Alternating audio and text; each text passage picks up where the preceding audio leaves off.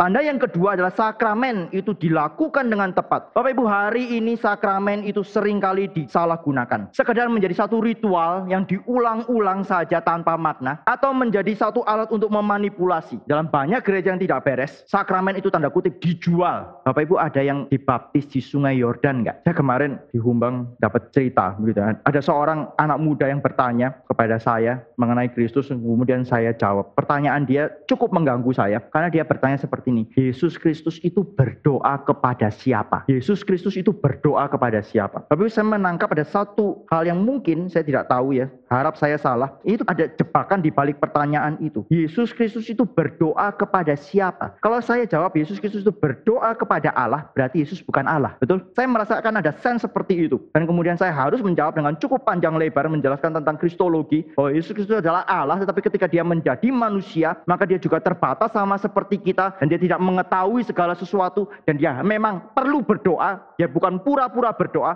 dia sungguh-sungguh perlu berdoa untuk Tuhan itu memimpin dia. Meskipun di sisi yang lain kita juga percaya bahwa dia adalah Allah. Tapi di tengah-tengah keterbatasan sebagai manusia, dia bukan cuma pura-pura berdoa menjadi teladan bagi kita supaya kita juga berdoa tidak. Dia sendiri betul-betul memerlukan doa itu. Dan saya kasih contoh ketika Tuhan Yesus berdoa di Taman Getsemani, peluh itu bagai darah. Betul? Bapak Ibu kalau doanya pura-pura, Mana mungkin itu terjadi? Kita kalau berdoa tidak sungguh-sungguh, ya berdoa cuma asal saja beberapa kalimat dan kemudian kita akan selesai. Saya tidak katakan doa yang pendek itu selalu pura-pura tidak ya. Tapi kalau kita tidak berdoa dengan sungguh-sungguh, kita tidak pernah bergumul di dalam doa dengan sungguh-sungguh, sangat mungkin kita tidak mengerti apa yang sedang terjadi di Taman Getsemani. Di Taman Getsemani Yesus itu berdoa sampai tiga kali dan peluh itu menjadi seperti darah. Apakah itu bukan tanda dari satu pergumulan yang sungguh-sungguh di dalam doanya? Saya katakan Yesus itu betul-betul perlu berdoa karena dia juga adalah manusia sama seperti kita. Dia bukan sedang pura-pura untuk menjadi teladan bagi kita saja. Supaya kita orang Kristen juga berdoa. Tidak. Saya menjawab, saya memberikan jawaban seperti itu. Kemudian kami pulang dan ketika kami pulang, tuan rumah kami rupanya mengenal orang itu. Nah, rupanya orang tuanya itu salah satunya tadinya bukan Kristen. Kemudian menikah, maka sebenarnya ikut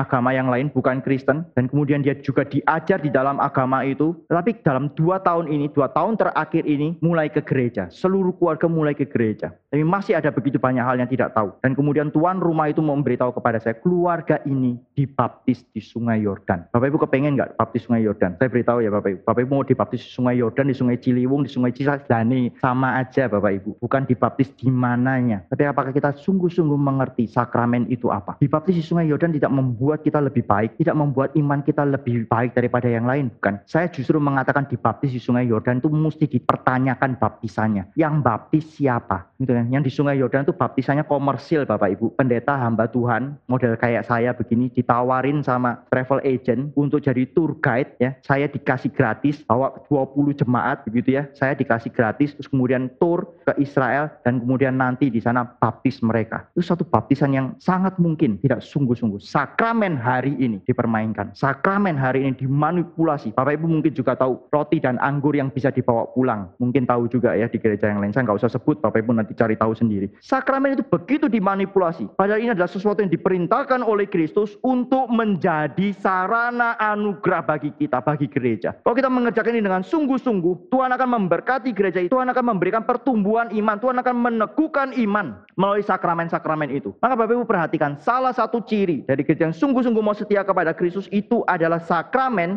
dilakukan dengan benar. Bukan sekadar ritual, sesuatu yang diulang-ulang atau bahkan dimanipulasi. Jangan sampai hal itu terjadi di tempat ini.